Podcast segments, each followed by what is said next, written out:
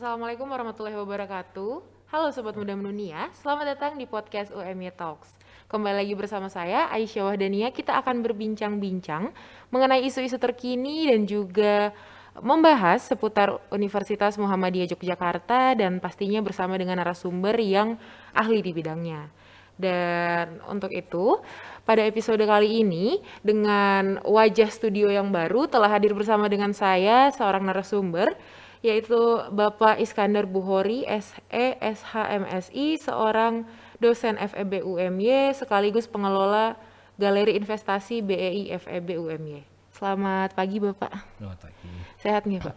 Alhamdulillah. Alhamdulillah. Nah, uh, sobat muda mendunia, sebagai seorang anak muda untuk mengelola keuangan itu uh, sangatlah penting dan juga beberapa bulan belakangan ini sedang uh, gencar-gencarnya atau sedang hitsnya untuk berinvestasi.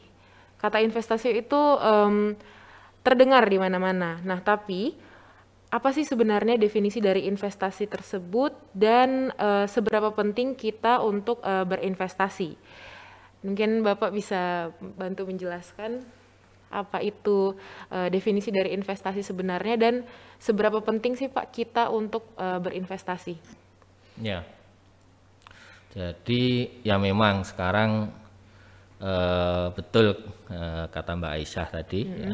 Investasi memang sekarang jadi ya jadi sesuatu yang booming. Iya, ya di mana-mana. Dan iya. sebenarnya sebenarnya seharusnya sejak dari dulu karena orang berinvestasi seharusnya sejak sudah uh, sejak dari dulu juga gitu mm -hmm. loh.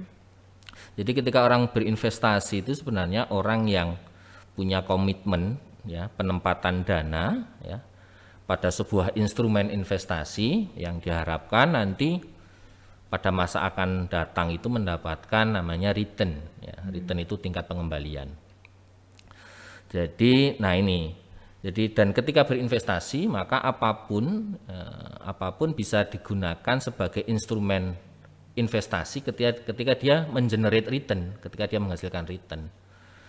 Eh, kalau di desa orang biasanya eh, beli ternak kayak gitu ya hmm. itu investasi. Karena harapannya apa? Besok dia mendapatkan uh, return atau tingkat pengembalian ya. Imbal balik lah bahasa sekarang hmm. itu investasi juga bisa di misalnya kalau yang umum ya orang di properti ya itu kan juga karena dia ingin mendapatkan return pada masa yang akan datang. Uh, bisa juga di saham ya di surat -hmm. berharga ya. Yang jelas investasi tidak hanya di saham ya tapi investasi bisa di banyak instrumen yang notabene instrumen itu bisa mengenerate return. Anak-anak muda sekarang juga misalnya beli Vespa gitu ya, beli Vespa, Vespa kuno ya, gitu terus diperbaiki itu itu investasi juga sebenarnya. Hmm. Secara konsep pokoknya dia ketika dia mengenerate return maka dia menjadi investasi. Berarti uh, bisa dibilang investasi itu ketika kita membeli sesuatu dan di masa yang akan datang kita akan mendapatkan keuntungan ya Pak ya? Ya harapannya, hmm, mendapatkan keuntungan ya karena investasi berisiko kan, ada resiko iya, iya. investasi kan, ada bisa naik turun. Kemudian kok satu mengapa investasi itu penting? Nah ini ya. satu betul. Satu investasi itu pada dasarnya melindungi aset kita. Ya. Jadi misalnya gini, uh, kita kan punya kas, ya. kita punya kas. Adik-adik semua mbak ini punya punya uang kan ya. Nah pada dasarnya uang kita itu, nah ini kita ke konsep time value of money tadi ya, nilai uang. Uang kita itu tiap hari, ya, tiap tahun itu nilainya turun.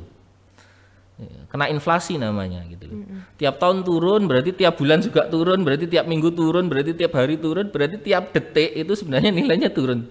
Jadi eman-eman ketika kas itu diperlukan ya, tapi ketika kas itu nganggur ya, itu menjadi sesuatu yang eh, nilainya turun gitu loh. Jadi yang punya tabungan, ya tabungan masih lumayan ya, yang uangnya di kantong-kantong ya itu mm-hmm. itu turun nilainya gitu. Jadi satu investasi itu akan melindungi nilai kita, eh, melindungi aset kita. Yang kedua lah ini, karena kita investasikan, maka dia akan menjadi diharapkan mendapatkan return dan akan bertumbuh kan gitu. Nah, ketika tumbuh itu maka kita akan kesejahteraan kita akan meningkat. Kalau tetap jadi uang kas, ya, kesejahteraan kita turun. sama-sama satu juta, satu juta sekarang dengan satu juta satu tahun yang akan datang nilainya beda. Berbeda, gitu. iya. Iya. Maka sama-sama satu juta, jumlahnya sama, tapi value-nya turun. Nah, kalau kita bisa menginvestasikan secara cerdas, ya, kita akan ya anggaplah bisa mengatasi inflasi. ya. Kalau inflasinya yang menurunkan nilai uang kita itu kan inflasi. Kalau inflasinya 5%, uang bang- uang sama-sama satu juta, itu value-nya turun sebesar 5%. Nah, kalau kita bisa melakukan investasi secara cerdas, ya, bisa apa? Eh, menghasilkan return yang di atas investasi, sorry di atas inflasi, taruhlah 10%. Kalau 10% sudah lumayan lah, itu bisa bisa menekan apa menurunkan tekanan inflasi. Tapi kalau bisa sampai untung 50%, wah kita menjadi tambah sejahtera. Makanya investasi itu adalah salah satu cara untuk mengelola kesejahteraan kita pada masa yang akan datang. Nah, terus kemudian juga makanya karena karena yang sudah saya jelaskan tadi investasi itu nah, kita kerja cari uang ya. Iya. Nah, setelah dapat uang kita apakan? Nah, investasi itu cara, salah satu cara ya membuat uang yang bekerja pada kita. Nah, tengok-tengok ya ya kita kelola tentunya ya, tapi kan tidak kemudian eh, ya kita kelola tentunya gitu. Tapi kemudian uangnya yang akan menghasilkan pendapatan pada kita. Hmm, Kalau ditanya seberapa penting, penting sekali. penting sekali ya Gitu, Pak ya. ya. Nah, Pak, lalu untuk eh, anak-anak muda, Mm-mm. kapan sebaiknya kita itu mulai terjun ke dunia investasi? Mungkin melalui eh, apa tadi saham? Mm, iya, iya.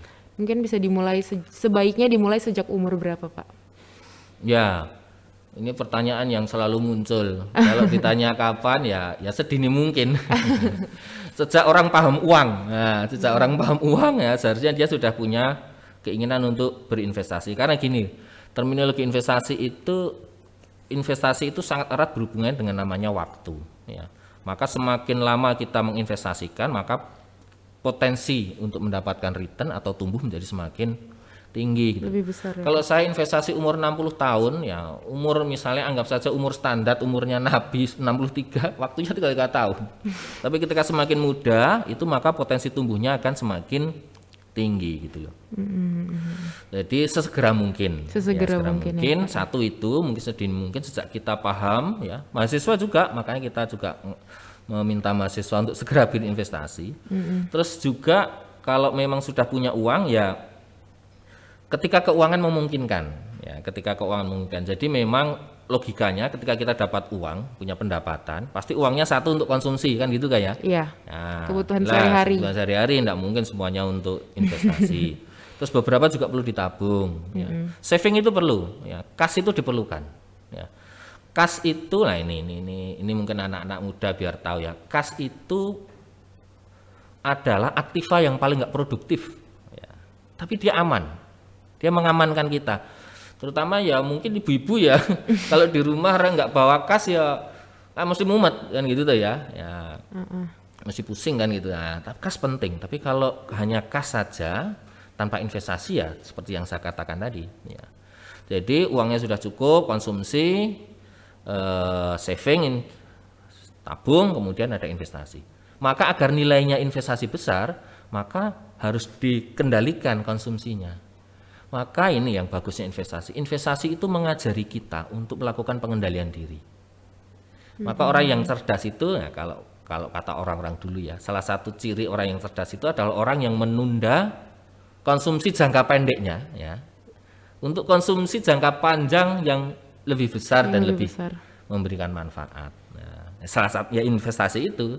Jadi yang punya uang satu juta dulu habis satu bulan ya sekarang ya mbok eh, ditahan ya, ya konsumsinya ditahan ini belajar mengendalikan diri kan gitu. Iya, iya. Apalagi eh, lagi masa pandemi ya, Pak. Sulit ke Oh iya, iya, iya di masa pandemi ya, ya harus hati-hati betul ya. Dan orang ba- sekarang orang banyak menahan konsumsinya. Iya, benar sekali. Terus mengenai pertanyaan investasi di saham satu lah ini penting.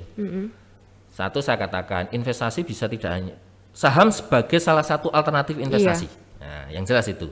Jadi investasi itu bisa ke namanya aset fisik, physical asset, bisa ke surat berharga. Lah kalau yang saham itu investasi di namanya di surat berharga. Berarti kita ketika berinvestasi eh, saham berarti kita membeli perusahaan kan gitu. Yang perlu saya jelaskan gini, setiap investasi punya karakternya sendiri ya. Nah, ini konsep dasar ya, ada resiko, ada return, ada pendapatan. Kalau risikonya tinggi, nah, high risk, high return. Ya. Kalau risikonya tinggi, returnnya tinggi. Low risk, low return. Ya.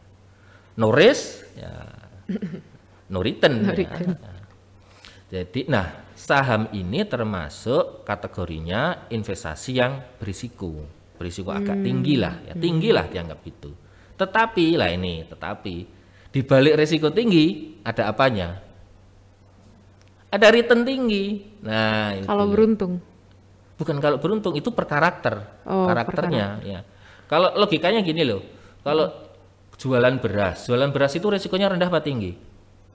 Rendah. rendah. Semua orang makan nasi lah, mosok Iya. sih sampai orang nggak bisa jualan beras kan gitu tuh ya. Ya, mosok sampai ya. Tapi keuntungannya kecil, kan gitu. Nah, kalau kita investasi saham, potensi ya, kita tidak bilang pasti loh. Potensi keuntungannya tinggi, tapi potensi kerugiannya juga tinggi. Jadi salah satu ciri risiko itu volatilitas. Eh, naik turunnya harga itu loh. Pokoknya kalau kamu investasi membeli berbisnis apa pun ya, nah harganya kok naik turun wah luar biasa itu berisiko. Hmm. Nah saham itu karakternya seperti itu. Pada dasarnya gini saya jelaskan ya. Pada dasarnya orang itu sebenarnya nggak seneng risiko kok. Siapa sih yang seneng risiko? Ya.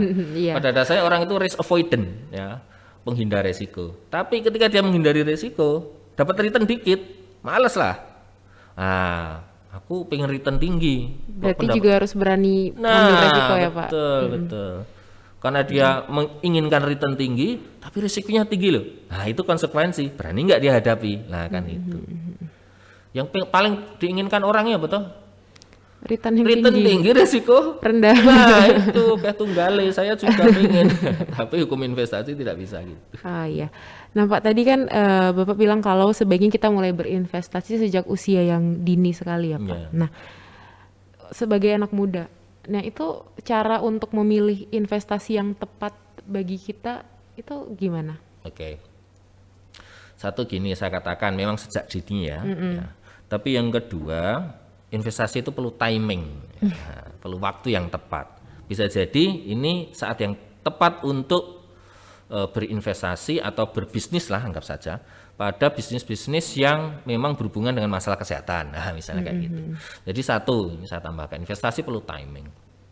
Nah, kalau anak muda ingin mulai berinvestasi di saham, satu, nah ini, ini tips saja sederhana. Satu, mulai dari yang kecil. Ya. Jangan langsung besar, ya, mulai kecil. Sekarang opening account, buka akun untuk beli saham itu murah sekali. Bukan murah ya, rendah sekali. Cuma 100 ribu, saudara sudah bisa buka akun. Dulu tahun 2000 berapa ya, 2002, saya buka akun untuk beli saham, itu 30 juta. Sekarang akun mikro maka namanya 100 100 ribu sudah bisa mulai. Jadi kalau anak-anak kuliah ya, misalnya pengen kalau sekarang mainnya ngegame apa sing Mobile Legend misalnya gitu ya. Wah. Iya. Nah, sekarang kalau yang pengen keren ya main Mainnya? investasi saham. jadi aplikasinya wah, jadi kalau ketawa ya ketawa bener, kalau ketawa Mobile Legend ngopo ya, kalau ini wah, ngopo ya ketawa ya. Batik ya, wah kan keren banget ya, ngopo ya. Anu sahamku mundak, wah kan gitu. Jadi itu dan bisa mulai dari yang kecil-kecil, dari mulai kecil 100 ribu bisa. Tapi saya juga mengharapkan tidak 100 ribu lah, ya mungkin dinaikkan karena pilihannya menjadi nggak banyak. Ya, tapi pelan-pelan oke. Kemudian ketika memang investasi sudah mau serius, eh, gunakan uang jangka panjang, jangan uang jangka pendek. Jadi maksudnya, iki ada duit longgar, ada duit longgar, tapi cuma untuk dua bulan ya, aduh jangan. Karena investasi per investasi di pasar modal itu per definisi jangka panjang. Ya ini memang saya gunakan untuk investasi 5 tahun, 10 tahun. Nah, semakin panjang semakin bagus. Sehingga kita cukup punya fleksibilitas untuk mengelola. Kadang gini loh maksudnya, pas harga turun pas butuh uang. Nah, ini kan masalah sehingga kita akan menjualnya di harga diskon. Karena memang harga saham mesti naik turun. Tidak ada harga saham lempeng enggak itu enggak Iya ada. iya. Mesti Itu tergantung dari eh, mungkin track record perusahaannya mungkin Pak atau bagaimana? Ya, ya, macam-macam nanti faktornya multifaktor ya, multifaktor. Maka yang ketiga betul. Kalau ingin berinvestasi, carilah ya, perusahaan-perusahaan berinvestasi saham ya, belilah saham-saham yang punya fundamental yang bagus. Jadi saham yang punya fundamental yang bagus. Jadi gini loh saudara, investasi saham itu kan berarti kita membeli perusahaan. Kalau kita membeli perusahaan, maka yang kita beli adalah perusahaan yang bagus. Nah, perusahaan yang bagus itu apa? Perusahaan yang bagus itu perusahaan yang menghasilkan keuntungan, Nah, labanya tinggi. Nah, gampangannya kan gitu ya, sederhananya gitu. Maka, nah perusahaan yang menghasilkan laba yang tinggi itu adalah perusahaan-perusahaan yang memang berkinerja bagus, penjualannya bagus, good governance, mengelola dengan bagus, nah itu yang kita beli. Karena gini saudara, kalau berinvestasi di saham, nanti saudara akan tahu, ya, Mbak Isa akan tahu, ada saham yang naik turun sak naik dewe, tanpa iki kok naik ngapain? Ya terserah.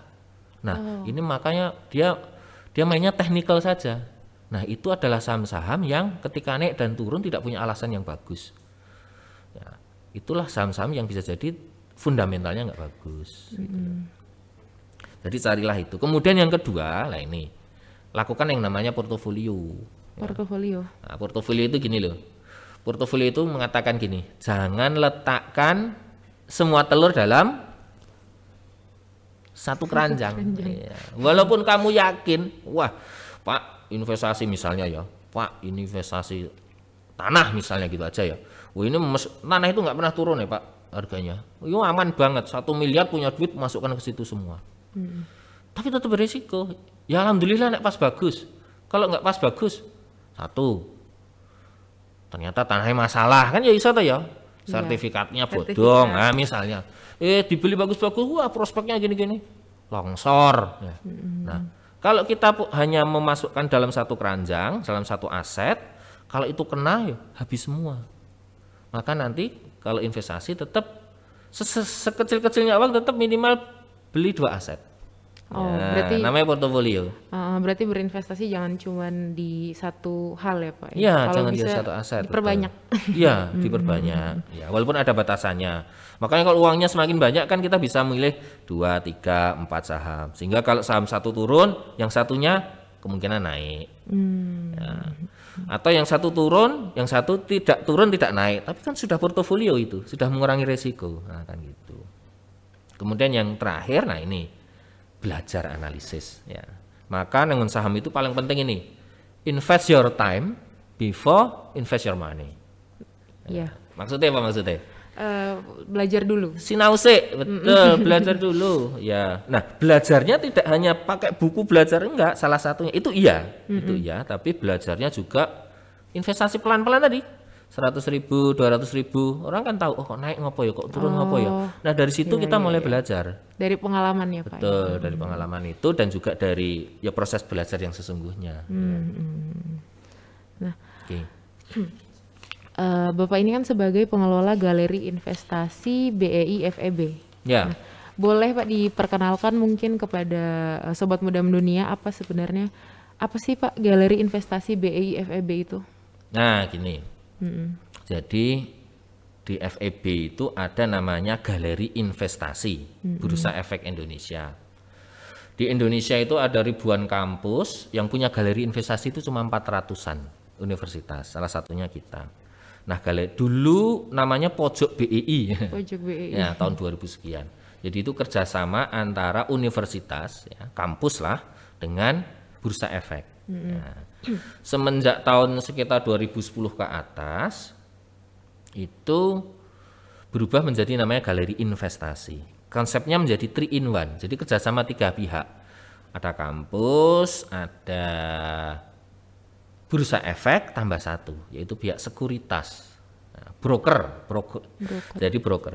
Jadi gini, investasi saham itu jual beli saham, transaksi saham itu sistemnya brokerage. Jadi pakai sistem harus ada brokernya. Tidak bisa langsung kita, kamu punya saham, saya punya saham langsung tak beli tidak bisa. Harus pakai sistem brokerage. Nah, dengan masuknya pihak sekuritas itu menjadikan dulu yang namanya pojok BEI hanya hanya apa? Me- melayani data untuk riset macam-macam. Sekarang orang bisa melakukan transaksi di situ. Ya.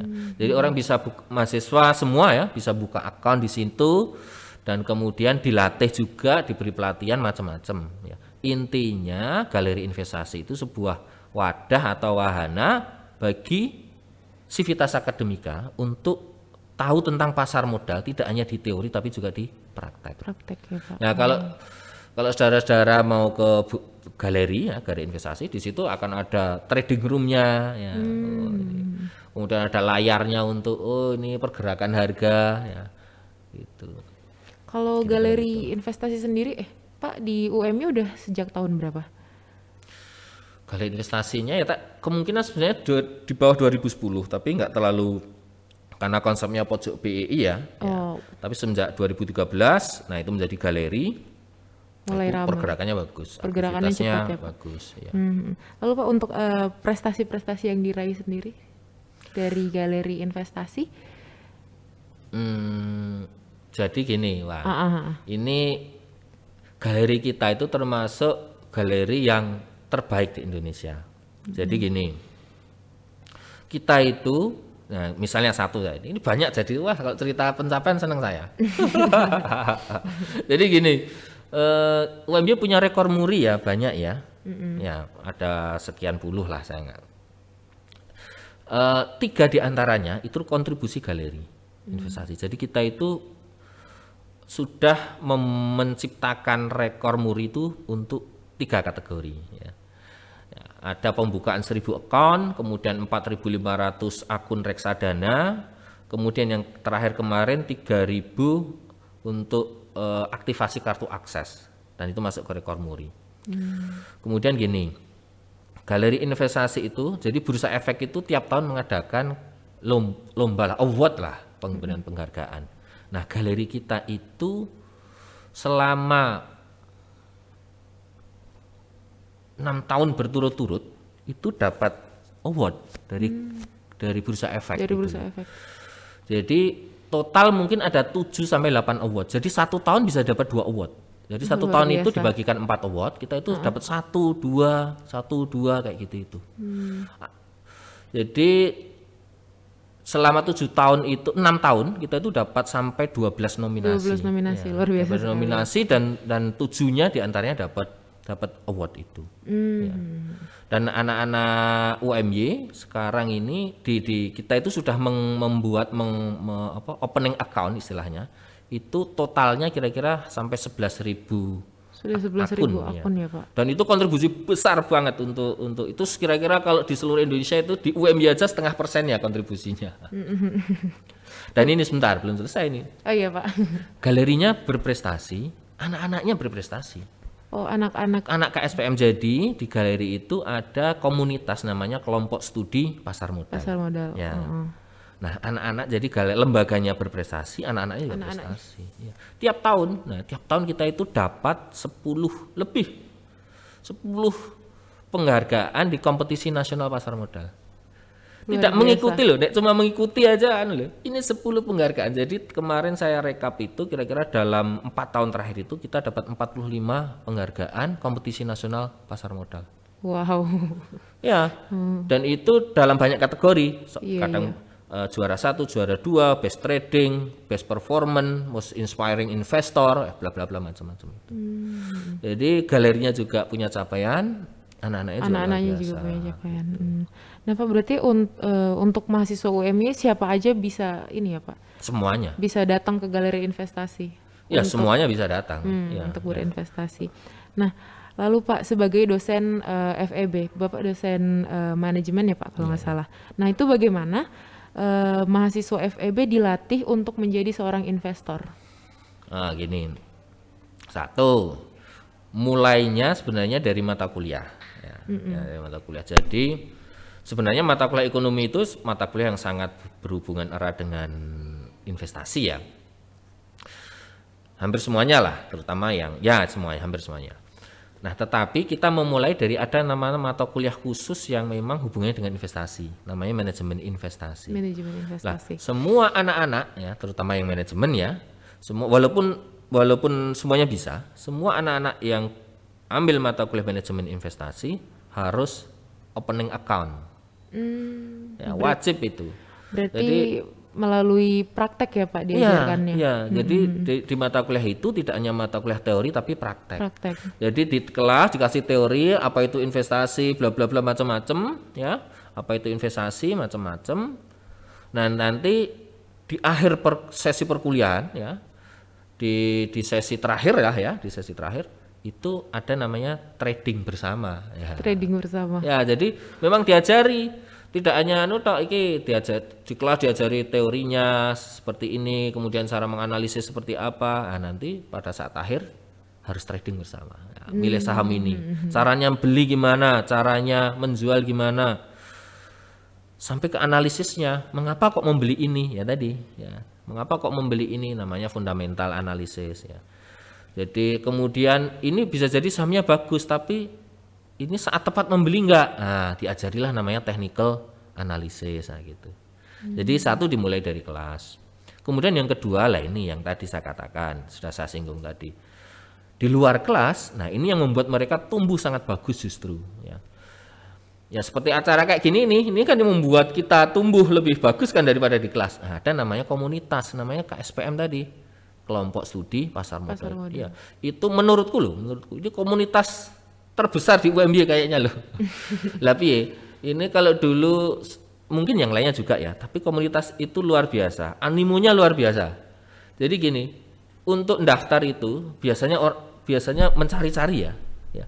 Kalau di KSPM itu yang diterima 100 banyak atau 100 komunitas Banyak ono itu, 100 yang daftar itu 250 Iya. jadi orang mau masuk komunitas di screening. Ini gaya banget ini. Kalau yang lainnya nyari-nyari gitu ya. Nah, ini luar biasa memang. Luar biasa. Jadi dan komun nah dari komunitas itu mereka berkegiatan. Hmm. Kegiatannya macam-macam ya. Salah satunya ya diskusi banyak diskusi. Ya, diskusi benar, diskusi benar bukan diskusi basa-basi, tidak diskusi benar. Ini saham yang bagus apa, gimana cara melakukan analisis macam-macam. Hmm, berarti minatnya sudah tinggi sekali ya Pak Ya, terhadap investasi. ya. Mereka punya kompetisi internal. Hmm. Mereka punya kompetisi internal ya untuk untuk melakukan analisis saham, trading saham gitu. Kemudian mereka juga mengadakan kompetisi untuk eksternal. Ya, semacam kompetisi nasional pasar modal itu. Dan mereka juga mengikuti kompetisi eksternal. Dan itu jangan salah itu di beberapa universitas-universitas besar juga. Jadi yang dulu ketika kita kadang ada universitas besar yang wah ini semacam un- breaking wall gitu ya. Wah, no. Kita banyak mengalahkan beberapa beberapa universitas di kandang mereka loh. Nah, gitu kadang gitu ya. Di ya di Bogor, di Semarang, di Jakarta, di beberapa di luar Jawa dan seterusnya. Jadi itulah yang membuat iklim ya, investasi lah ya di FEB menjadi Hidup. menjadi tumbuh menjadi hidup. Dan walaupun namanya galeri investasi FEB ya, yang menjadi menjadi bahkan pengurus di situ itu itu kadang dari luar FEB gitu. Dari HI juga pernah. Oh, Dari fakultas bahasa, dari fakultas agama gitu. ya. Hmm, Dan mereka juga ikut terbuka ikut untuk dari semua ya, Pak, kedokteran ya? juga, iya. Iya. Jadi karena memang investasi ya semua orang kan menjadi tertarik ya, jadi Iya. menarik dan kemungkinan bertumbuhnya kan banyak ya. Satu ya mereka tumbuh secara keilmuan kan gitu tuh ya. Kemudian mereka dapat cuan untuk bati, dapat piagam, Lihat piagam. dapat duit dari dari investasi mereka dan dapat uang juga dari Eh, dari kompetisi perlombaan. iya dan itu 3 juta 5 juta 10 juta lumayan luar biasa. iya jadi menyenangkan gitu. Menyenangkan, Jadi, iya, Pak. ya. Iya, saya jadi tertarik ini Pak mau berinvestasi. wah iya, iya. seharusnya tertarik memang seharusnya tertarik gitu loh ya Nah, berarti kalau bisa kita simpulkan dari perbincangan kita ini, eh, investasi itu penting dan sebaiknya dimulai sejak dini ya Pak ya. ya Bahkan mungkin dari eh, cara paling sederhana atau mungkin ya bisa dikatakan sederhana lah Pak ya, membeli saham. dari yang kecil-kecil dulu ya ya dari yang aman dulu ya. Hmm, seperti itu. Nah, Pak, eh, mungkin perbincangan kita terbatas oleh waktu. Terima kasih banyak sudah meluangkan waktunya ya Pak ya. Semoga sehat selalu ya Pak ya. amin amin sama-sama saling mendoakan Iya, dan semoga eh, sobat muda mendunia setelah menyaksikan ini eh, lebih tertarik dan mungkin langsung ingin berinvestasi, Pak. wah betul betul Itu bagus sekali ya. Pak. harus itu Nah, sobat muda mendunia, terima kasih sudah menyaksikan eh, podcast UME Talks pada episode ini. Semoga apa yang kami sampaikan eh, dapat menjadi sebuah manfaat. Wabillahi taufiq wal hidayah. Wassalamualaikum warahmatullahi wabarakatuh. Sampai jumpa di UME Talks episode selanjutnya.